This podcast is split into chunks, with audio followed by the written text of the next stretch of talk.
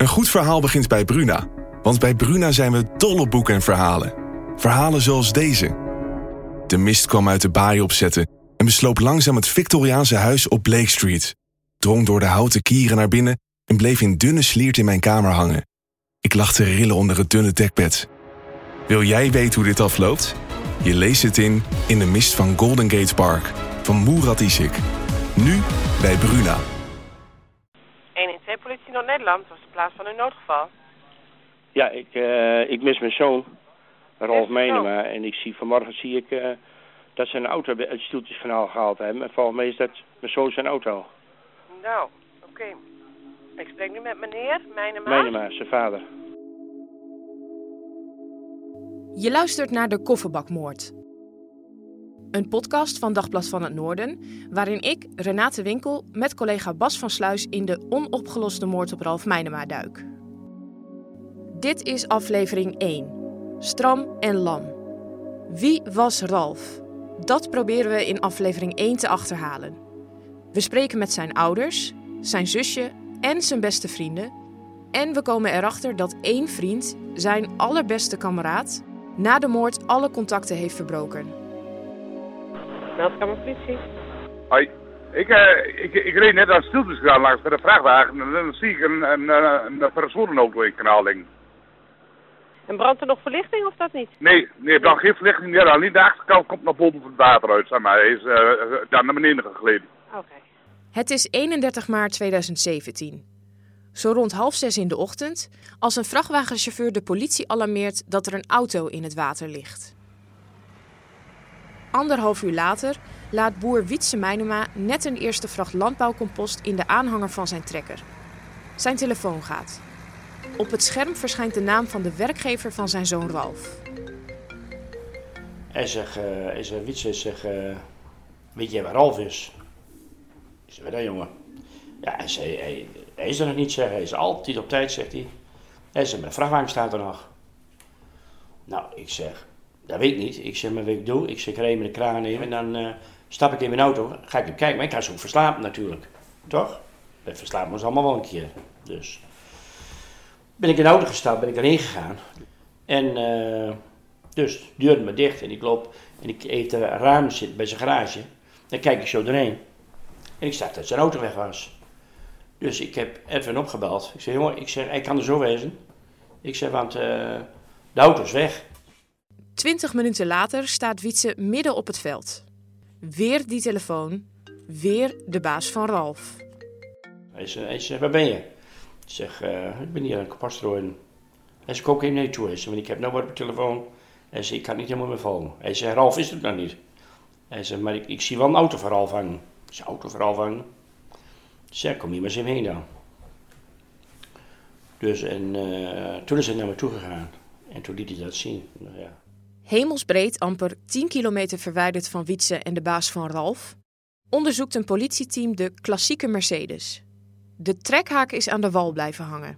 De ruitenwissers van de wagen zwiepen nog heen en weer door het kabbelende water. Er zit niemand achter het stuur en er ligt niemand in het kanaal. Na een tijdje opent een nietsvermoedende agent de nogal diepe kofferbak.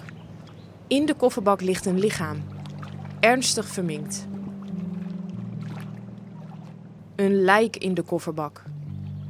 Die geruchten verspreiden zich razendsnel via social media en WhatsApp-groepen. Ook de familie Meinema leest de berichten. Zij vernemen dat de dode in de kofferbak een oudere man is. Wietse, zijn vrouw Ingrid en dochter José zitten gespannen aan de keukentafel. Ze weten niet wat ze moeten denken, maar één ding staat vast. Die Mercedes aan de takel, dat is de Mercedes van Ralf, die hij een maand geleden kocht. Wietse belt meerdere malen naar 112. Sinds wanneer mist u uw zoon? Van vanmorgen was een eh, werkgever die belt mij op. En eh, ja, hij, is ook vanmorgen al op tijd weg met de vrachtwagen. Dat is niet zo mooi. Eh, even kijken. U zegt net dat de werkgever van uw zoon eh, zojuist u heeft gebeld. Dat hij niet eens op zijn werk is verschenen. Nee. Niet op zijn werk is verschenen. Melder is volgens... ik moet het even vastleggen wat u mij allemaal vertelt hoor. Ja hoor, ja. Volgens naar de woning van zijn zoon. Hoe heet uw zoon? Ralf, Ralf Menema. Wanneer heeft u voor het laatst contact met hem gehad? Ja, gisteravond heeft hij hier bij ons thuis eh, eten opgehaald. Hij is alleen eh, woont. Ja. En heeft vanaf zijn werk is hij hier langs gekomen en eh, heeft zijn eten opgehaald. Hoe laat was dat? Dat weet ik niet. Ik was in het veld. en Dan moet ik mijn vrouw vragen. En het adres eh, wat u mij doorgeeft, dat is uw woonadres? Ja hoor, ja. Nou, eh, collega's die gaan even contact met u opnemen. ja U bent nu ja. thuis. En uw Ja. vrouw is ook thuis? Ja, ja. Oké, prima. Collega's die komen even bij u. Ja hoor. Ja, oké. Ja, ja. Maar de politie komt niet. Het wordt 11 uur, 12 uur, 1 uur. Pas om 4 uur 's middags rinkelt de telefoon. De politie. Of de familie naar het bureau in Emmen wil komen. Er gloort hoop aan de horizon. En toen zeg ik nog, zie je wel, hij heeft zijn auto uitgeleend. Ja. Want we hadden nog echt het idee, het was een oudere man. Hij heeft, want hij leende alles uit. Iedereen kon alles van hem hebben. Hij heeft zijn auto uitgeleend. En er is wat loos, wat, zou ik niet weten. Zeg, en Ralf zit op het politiebureau in Assen. Dat Ja. had Ja, ik dat was onze laatste gedachte. Jullie dachten Dat- niet Nee. direct, Ralf is dood. Nee, nee. Toen dachten wij van, nou we moeten daarheen dus. Hè? Hij is daar of hij zit Ja. ergens, weet ik veel wat. Ja. Films, alles, dan komen ze aan de deur. Ja. Dat is je zo, Ja. om zo'n mededeling te doen. Ja. Ralf zit niet vast op het bureau. Ralf is dood. Hij is 31 jaar als hij op gruwelijke wijze om het leven wordt gebracht. Hij ligt in de kofferbak van zijn auto, ernstig toegetakeld. Het is nu twee jaar later. Collega Bas van Sluis en ik kunnen de zaak niet loslaten. We besluiten naar het Stieltjeskanaal te rijden. We willen met eigen ogen zien hoe het er daar uitziet. Dat doen we om half zes in de ochtend, rond het tijdstip van de 112-melding van de vrachtwagenchauffeur. Ossehaarse weg. Huis nummer 13, 15. En Stieltjeskanaal.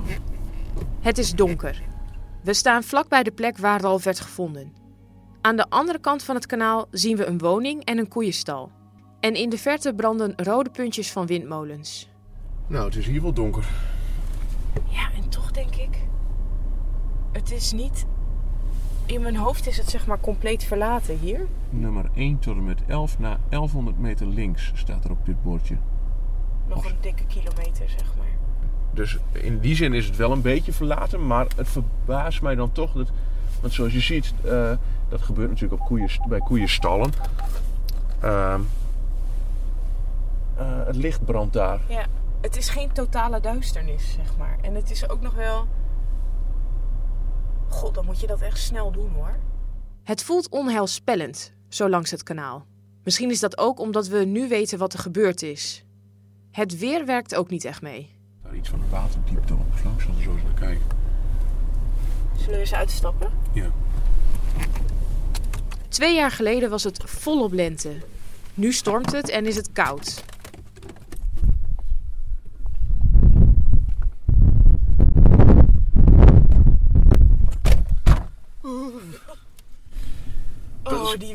Ook, joh. Echt superguur. Superguur.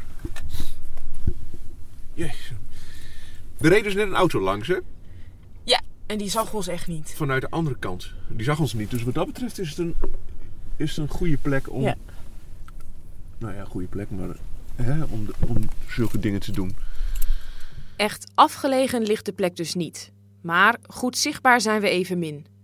Een auto die met flinke snelheid langs de andere zijde van het kanaal passeert, mindert geen enkele vaart als hij langsrijdt. Onze autolampen staan uit, maar we schijnen wel bij met de zaklamp op onze telefoons. Dat viel dus niet op. Ik had echt verwacht dat het nog wel steiler zou zijn, want die auto is met de, die auto is met de trekhaak blijven steken. Ja. Maar dat moet, dat moet zo'n persoon nooit, nooit gedacht eh, eh, hebben. Of personen. Deze specifieke plek, langs dit kanaal, lijkt geen toevallige keuze. Tenminste, niet voor iemand die het verhaal van de boekhouder kent. In 2011 botste een schipper precies op deze plek met zijn boot op een auto die op de bodem lag. In die auto werd het lichaam van Dirk Albert Hekman gevonden, de boekhouder. Al vijf jaar lang werd hij vermist. Per toeval werd de auto dus ontdekt. En dat weten de mensen hier. Op deze plek is het kanaal diep genoeg om iemand voor lange tijd, of misschien wel voor goed, te laten verdwijnen. Wat is er met Ralf Meinema gebeurd? Twee jaar later dreigt de zaak een cold case te worden. Bas en ik willen dat er aandacht blijft, dat het vuur blijft wakkeren. Er moet toch iemand zijn die meer weet? Uw eindbestemming bevindt zich links. Is het hier? Dit? Ja. H.J. Kniggelhoeven staat er. Oké. Nou ja, Oké. dan stappen we hieruit. Zo kan het wel toch? Ja, lijkt me ook. Kom verder. Hi, Renate Indruk Winkel. Meenema. Hoi. Kom verder, zeg je. Ja. Waar eh, mogen we heen? Rechtsaf? We bezoeken ouders Wietse en Ingrid in het ouderlijk huis van Ralf. Een boerderij aan de rand van het dorp Erika. Dit is de plek waar Ralf, of Ralfie zoals zijn moeder hem noemt, opgroeide. Bij ons gesprek schuift ook zus José aan. Urenlang praten we over Ralf. Over wie hij was, zijn hobby's, zijn laatste dagen. Wat was uh, Ralf uh, voor een jongen volgens jullie? Hij was lief. Ralf was lief. Hij, als er wat was, dan kwam hij gelijk spontaan. Ik help je wel even. En niet alleen bij ons, maar bij iedereen. Hij was echt, ja, hij was lief. Hij was vrolijk. Hij stond heel vrolijk in het leven. Ja. Hij genoot. Ja, deugd. Ja, feestvieren. Genoot van het leven. Iedereen kon ook bij Ralf terecht. Ralf, dat, dat was gewoon, ja, dat was een hele fijne vent. Echt. En dat is hij nog. Dat is hij nog in mijn ogen. Heus. Hij is, hij is absoluut, er zit geen kwaad in. In die hele jongen niet. Het gaat slecht met Wietse en Ingrid. Ralfs moeder lijdt zichtbaar onder het verlies van haar kind. Tijdens het gesprek zakken haar schouders steeds meer naar beneden en haar gezicht houdt ze vaak in haar handen. Ingrid is sterk, maar ook een vrouw die sinds twee jaar de wereld op haar schouders draagt. Tot de moord op haar zoon wordt opgelost. Je, je mist hem en je wil hem graag thuis hebben, maar ja, hij komt niet en dat is heel hard. Dat is heel hard hoor. En alle dagen wachten op een, eventueel op een telefoontje van, eh, We hebben ze. we hebben ze. Ja. Dat is Nou. ook iets waar je in principe alle dagen met het hoofd loopt. Ja, Telefoon durf je niet aan de kant te leggen. Want je hebt altijd de hoop dat ze 's morgens bellen. Die hoop heb ik als ik 's morgens van bed afstap. Is het eerste wat ik denk, zou ze bellen. Dus dat blijft de hele dag doorgaan. En dan kijk ik op de klok denk nou, het is tien uur. Nou wordt niet meer. En dan denk je weer een dag. En een dag is een week voor ons. Ingrid en Wietse brengen ons in contact met vrienden van Ralf. Een paar dagen na het gesprek in Erika rijden we naar Klazinaveen. Daar ontmoeten we vijf van zijn beste kameraden. Stram en Lam noemde die vriendengroep zich vroeger. Eerder vonden we op de Facebookpagina van Ralf een filmpje van de groep. Ook Ralf is erop te horen. We krijgen gelijk een indruk met wat voor mannen we te maken hebben. Hoppa!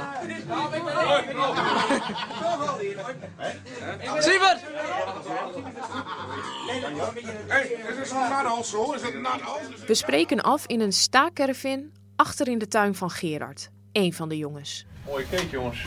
Ja, het ziet er goed uit. Dan moet je ze een keer komen. Ja, Een omgebouwde kroeg met een grote stamtafel, piratenmuziek uit de speakers en een koelkast vol Amstelbier. Waar, waar is dit hier? Waar, waar- Klazinaveen. Ja, maar hier, hier, hier binnen, wat, wat is dit? Wat is dit van jou? Van Dit jullie? is mijn café. Heb je eigen café? Ja. Dan komen jullie met enig regelmaat komen jullie bij elkaar? Of Ja, regelmatig wel, ja. één keer in de week of zo? Ja, wel. Ik moet drie keer in de week. ja, zeg maar, dat doet leuk. Ja. Hoe dat hem? Ja. Werken, slapen, bier drinken. Dat was het leven van Ralf, zeggen zijn vrienden. Een allemansvriend. Een jongen die geen vlieg kwaad deed. Maar hij was toch altijd wel... eh, hij was ook de kleinste van de hele groep. Maar ook altijd wel, eh, ja, moet ik zeggen... Kon er wat missen met lachen. Was wel, was wel de vrolijkste jongen wat erbij was. Ja? Ja. Ja. Geen trammelandmaker. Nee, hij had bijna nooit ruzie of Nee. geen ruzie? Nee. Geen ruzie. Nee. nooit. We merken dat de dood van de joviale, vrolijke Ralf nog altijd het onderwerp van gesprek is binnen de vriendengroep.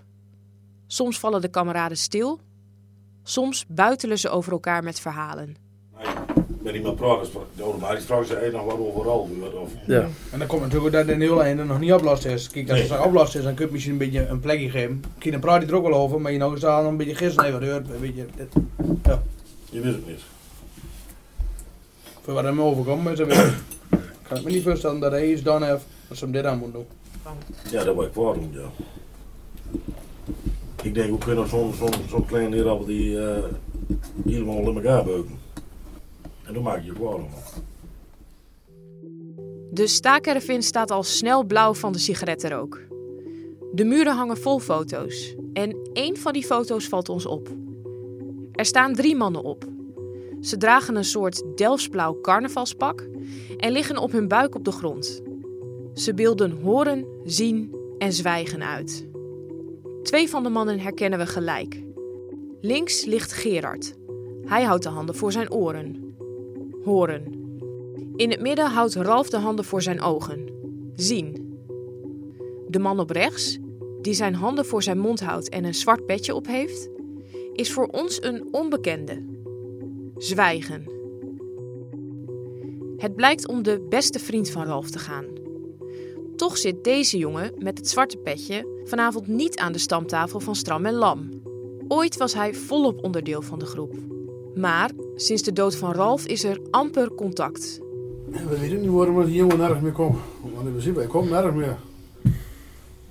Maar voelt, eh, voelt niemand van jullie de behoefte om, om hem toch eens op te zoeken van, god joh, wat is het? Eh, Is er wat met je, eh, kunnen we je ergens mee helpen? Nee, dat heb je al gevraagd, maar was niks.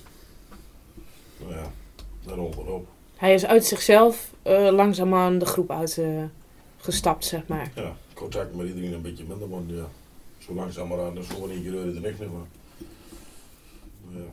Wie is deze vriend? Ook de ouders van Ralf spraken al over hem. Ik blijf steeds zeggen, eh, één persoon weet ervan. Maar dat is ook weer een, iets van mij.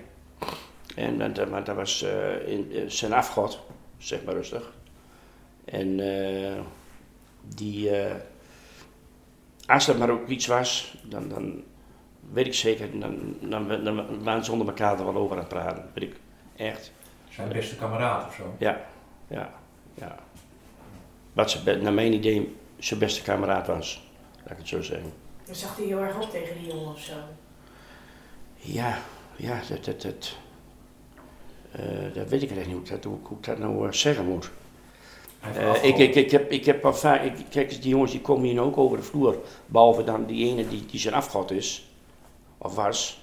Ik vind dat daaromheen steeds natuurlijk wel ehm, eh, een beetje achterdocht natuurlijk dat hij helemaal niet meer komt, of wat maar, hè, dat hij zich helemaal afstond van dingen. Ik zeg altijd zo, als je niks te verwijten hebt, ja, en je hebt niks, dan kom je gewoon langs en dan vraag je, weet je wel. Maar als je met, toch met iets loopt en je vermijdt dat, ja, dat zo'n gevoel heb ik dan. Dan denk ik van, nou ja, moet luisteren, eh, dan kom je niet langs. Hè? Want dan ben je bang dat je ergens mee, eh, eh, dat er iets gevraagd wordt waar je geen antwoord op geven kan. Zodra we bij vriendengroep Stram en Lam doorvragen naar deze beste vriend, verloopt het gesprek stroef. De vrienden wisselen wat ongemakkelijke blikken uit en ze pulken aan etiketten van bierflessen. Maar ik merk aan alles eh, dat jullie het heel lastig vinden om dit, om dit te bespreken. Ja, dat valt wel mee. Alleen je neemt alles op. Kijk, niet opnemen, dan praat het allemaal even makkelijker. Ja. Nou, dat kunnen we wel even uitzetten. Zeg het met de radio aan. Moet je hem uit? Ja, weet je, zitten, eruit? we zitten ook vaak genoeg, we zitten vaak genoeg in elkaar. En, en, Nee, maar dit is, serie, dit is serieuze... Zullen we hem even uitzetten? De audio gaat uit. En dan laten de kameraden wel iets los. Deze beste vriend weet meer, zeggen ze. Hij is een van de laatste mensen die Ralf die fatale avond zag. En toen op 31 maart 2017 Ralfs zwarte Mercedes in het Stieltjeskanaal werd gevonden, zou deze jongen apart hebben gereageerd. Afstandelijk, niet zichzelf, zenuwachtig zelfs, steeds met zijn telefoon in de weer. En, net als op de foto aan de muur, hij zwijgt. Deze vriend moet iets weten over de dood van zijn beste maatje. Het is duidelijk. Als we willen weten wat er is gebeurd in die fatale nacht, moeten we hem spreken. In aflevering 2 proberen we contact te leggen met de vader van deze beste vriend. Maar dat, kun je, dat, zou je dan wel bij ons kunnen doen, Manse. Ik bedoel, want wij, die verhalen over jouw zoon, die krijgen wij ook te horen. En ehm, dan heb je bij, bij ons wel op zijn minste gelegenheid om eh, te zeggen van... Nou jongens, dat klopt gewoon niet. Er gaan te veel verhalen rond en het klopt niet. Ook zoeken we uit in welke schimmige zaakjes Ralf misschien verzeild is geraakt. Ralf heeft geen strafblad. Niks. En die schimmige zaakjes waren allemaal geruchten. En ze hebben alles onderzocht. Maar ze kennen Ralf uiteindelijk bij geen één schimmige zaakje plaatsen. Ze kunnen, ze kunnen nergens plaatsen. Ze kunnen hem er niet bij plaatsen. We komen erachter dat Ralf helemaal niet zo'n rimpelloos leven leidde. De Kofferbakmoord is een podcast van Dagblad van het Noorden. Door Renate Winkel en Bas van Sluis. De podcast kwam tot stand met hulp van Willem Dekker, Inkie de Jonge, Lieselotte Schuren en Alwin Wubs. Eindmontage Matthijs Mol.